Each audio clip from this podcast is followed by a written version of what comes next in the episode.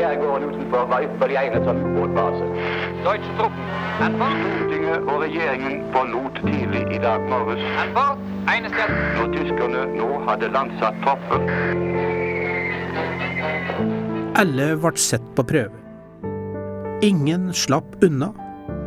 Jeg heter Inga Sletten Koloen, og jeg har skrevet Vi må ikke falle, første bind i serien Under krigen.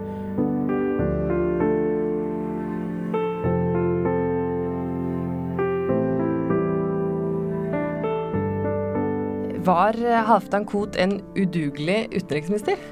Han eh, ble i hvert fall eh, gjort til syndebukk. Og det med rette? Eh, eh, Vel, ehm, det vi kan slå fast er følgende. Halvdan Koht var som utenriksminister ansvarlig for å holde Norge utafor krigen. Statsminister Nygaardsvold han brød seg veldig lite om utenrikspolitikk. Han, han ville bygge landet. Og øhm, den oppgaven å sørge for at Norge var nøytralt, den gikk Halvdan Koht til nærmest som en teolog går til kirka. Før Koht ble utenriksminister, så var han professor i historie og litteratur. Han var Ibsen-forsker. Han var sprenglært. Og han hadde arbeidet veldig mye med fredssaken helt siden han var eh, ungdom og vokste opp i eh, Tromsø og i Skien. Og ifølge da eh, denne her skikkelsen sjølsagt veldig tett gjennom hele boka.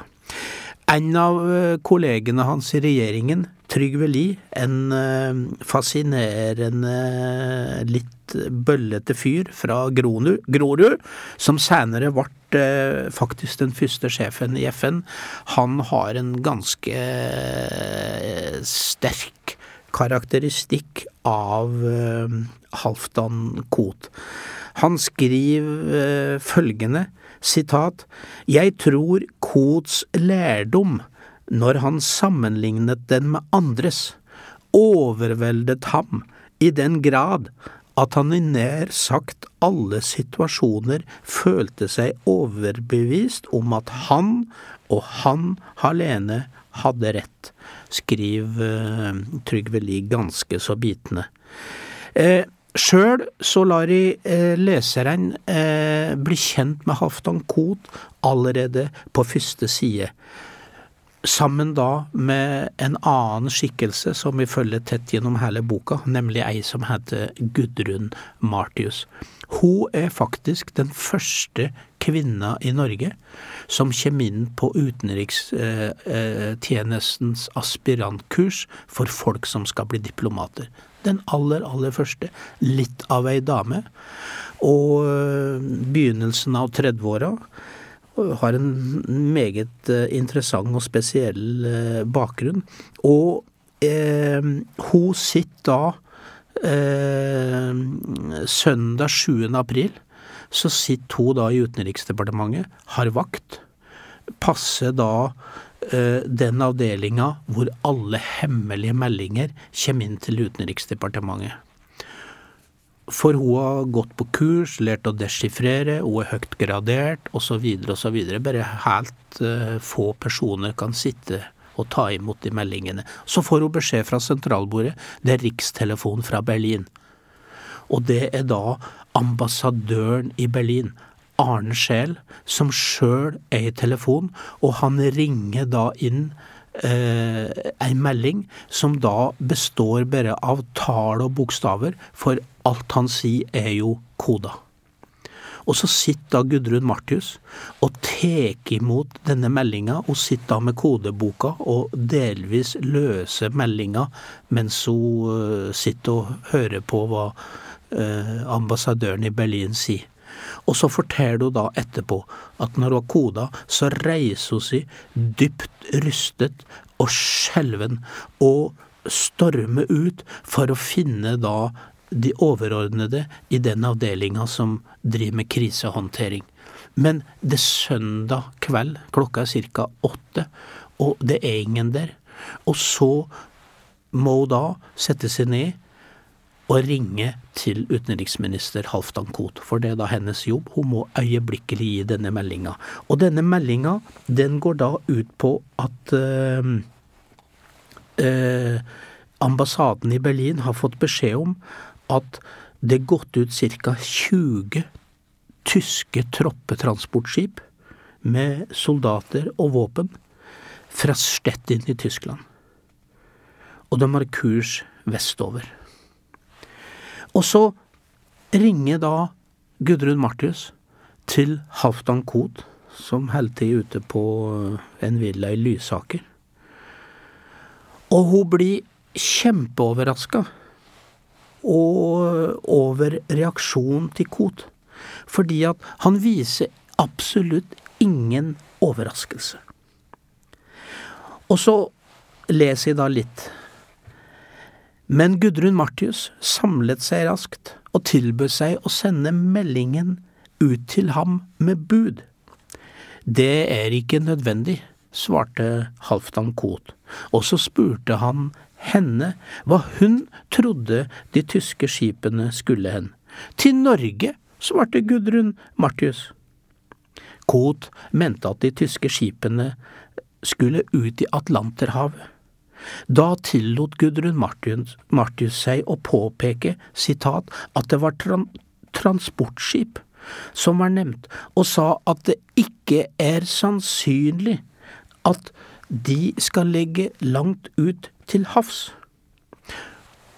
Sitat slutt. Og ifølge instruksen, da, så skulle hun da sende den meldingen også til de militære sjefene, både i marinen og hæren og andre. Og så spør hun da om hun skal gjøre det, for hun blir jo usikker når Koht viser fullstendig eh, manglende interesse for denne her sensasjonelle meldingen. Og så spør hun da skal jeg sende meldingen, og da sier Koht følgende.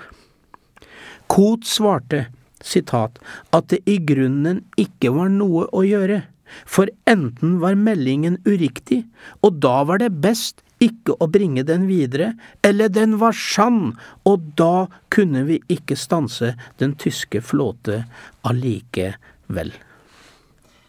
Du, du skildrer hvordan veiene til Koht og, og Gudrun Martus stadig krysses også, også, etter at eh, krigen har brutt ut, og de flykter etter hvert til, eh, til London?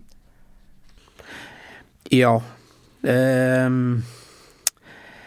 det er jo utrolig eh, utrolig eh, mange ting her som har med, med kot å gjøre. Um, og um, Gudrun Martius, da, hun gifter seg etter hvert. Uh, får navnet Reder, gifter seg med en diplomat for øvrig. Og hun blir jo et veldig farlig vitne.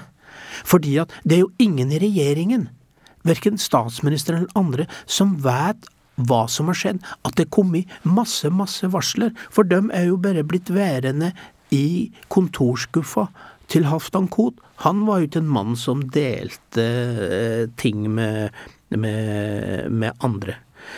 Så øh, det blir en større og større splittelse i regjeringen.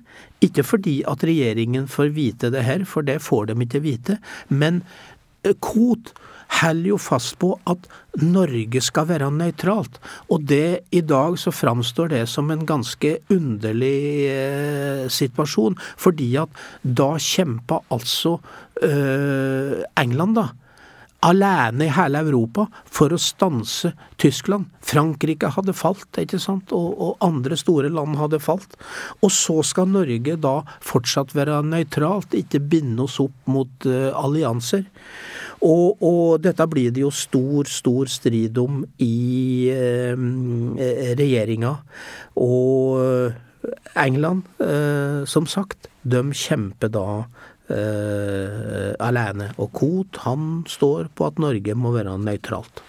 Vi røper ikke her hvordan det går videre med, med Kots politiske karriere, men kan du si litt om han og kvinnene?